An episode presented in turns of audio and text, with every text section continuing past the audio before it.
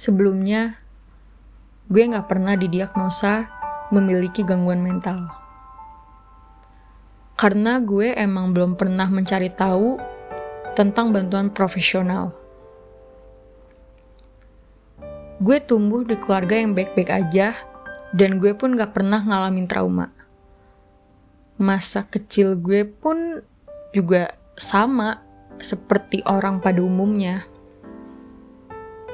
Tapi semenjak tahun 2019, setelah mengalami sebuah patah hati yang sangat berat, cara gue untuk meringankan beban di pikiran gue adalah dengan melukai tangan gue diri sendiri dengan pisau kecil. Waktu itu gue umurnya 19 tahun dan belum tahu banget tentang self harm itu apa. Sampai akhirnya kebiasaan gue ini berlanjut tiap kali gue ngerasa punya masalah yang berat sampai gue nggak bisa keluar dari masalah tersebut, gue nggak mampu untuk berpikiran jernih lagi. Ada saat di mana gue duduk sendiri di tengah malam sambil nangis karena gue nggak tahu apa yang salah sama gue. Gue ngerasa hidup gue ya gini-gini aja, kerasa abu-abu. Kayak nggak ada tuh yang namanya tuh cahaya masuk sedikit pun ke gue. Di saat itulah, gue ngambil pisau kecil dan ngelukain pergelangan tangan gue kayak pertama itu satu kali, dua kali, tiga kali, sampai gue ngelakuin itu sampai air mata gue berhenti sampai kering. Terus pertanyaan yang sering banget muncul di otak gue kayak, apa gue mati aja ya? Jawabannya enggak. Gue nggak pengen mati pada saat itu. Gue cuman ingin menyalurkan luka emosi dan batin gue itu ke fisik gue. Biar berasa apa ya, luka-luka yang di batin gue tuh nggak terlalu menyakitkan, kayak hati tuh nggak terlalu cekung banget gitu loh. Karena gue tau itu tuh rasanya nggak enak banget, itu sakit banget, kayak nggak bisa ngapa-ngapain. Yang di pikiran gue tuh cuman bisa ya udah gue lampiasin aja ke fisik gue biar hati gue tuh nggak terlalu cekung banget.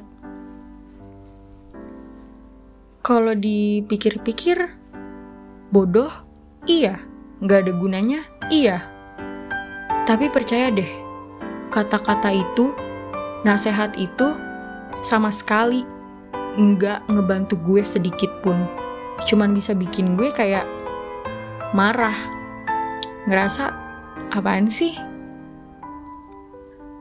Gue gak butuh dari lo semua tuh tentang self harm itu gak ada gunanya. Bilanglah kalau misalnya masih banyak orang yang lebih gak beruntung dari gue.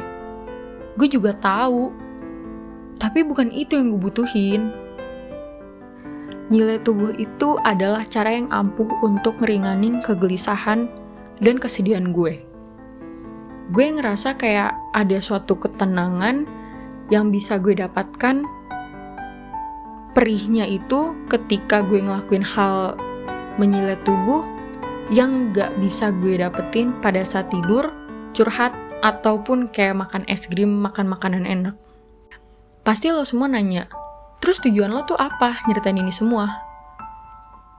Mungkin pasti ada yang bilang kalau misal gue tuh caper atau cari perhatian.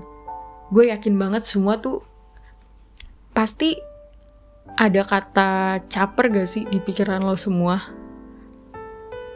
Gak kenapa-napa sih kalau misalnya emang itu yang lo pikirin. Karena emang komentar itu yang paling banyak gue dapetin kalau misalnya ada orang ngeliat tangan gue. Kalau dilihat, mungkin hidup gue kayaknya baik-baik aja deh di mata lo. Gak ada alasan untuk gue ngelakuin hal itu.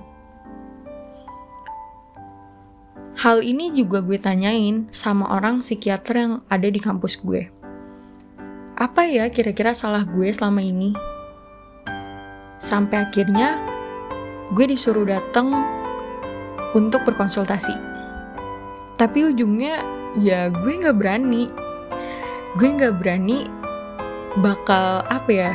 Gue nggak siap kalau misalnya itu tuh bakal jadi omongan orang-orang yang di mana temen-temen gue bakal nganggep gue tuh gila apalagi sama keluarga gue kalau keluarga gue tahu gimana ini prasangka yang menurut gue tuh masih banyak banget yang terjadi kalau misalnya ada seseorang yang datang ke psikolog. Kalau mau jujur, emang ada saat-saat gue ngelukain pergelangan tangan gue tuh untuk perhatian. Ya, karena gue pengen orang lain tuh ngedengerin perasaan gue. Gue pengen loh ditanya kalau gue tuh baik-baik aja atau enggak. Gue tuh pengen loh orang-orang tuh tahu gimana rasanya kayak tersiksa banget gue tuh dibalik topeng yang selama ini gue pakai. Intinya deh gue pengen banget dapetin perhatian orang lain. Tapi gue suka perhatian yang kalau gue dapetin itu uh, dengan orang yang kalau ngobrol mereka berkepribadian itu kayak baik, nyaman, enak lah buat diajak curhat. Tapi rata-rata ya orang yang ngelakuin self harm itu dengan berbagai alasan yang beda-beda dan nggak selalu tentang karena perhatian.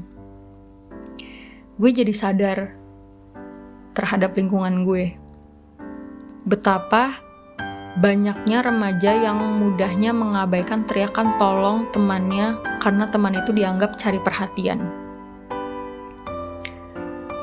Gue nggak tahu tujuannya mencari perhatian atau enggak. Hal ini tuh seharusnya diabaikan gitu aja. Mencari perhatian itu bisa aja loh jadi salah satu bagi seseorang untuk mencari pertolongan. Menyadarkan orang-orang kalau depresi itu nggak memerlukan syarat kalau orang itu tuh harus memiliki perjalanan hidup yang sulit, berbelit-belit. Terus kayak banyak banget orang yang bilang kayak lo tuh kurang bersyukur, tukang cari perhatian.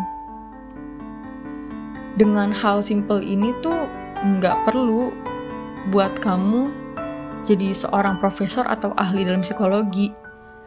Dengan kamu sebagai temannya bisa mendengarkan apa yang orang-orang lagi rasakan di titik self harm, itu adalah salah satu orang yang butuhin saat ini. Bukan malah kayak pembelaan negatif atau kan kayak pengertian gitu enggak. Mereka cuman ingin didengerin aja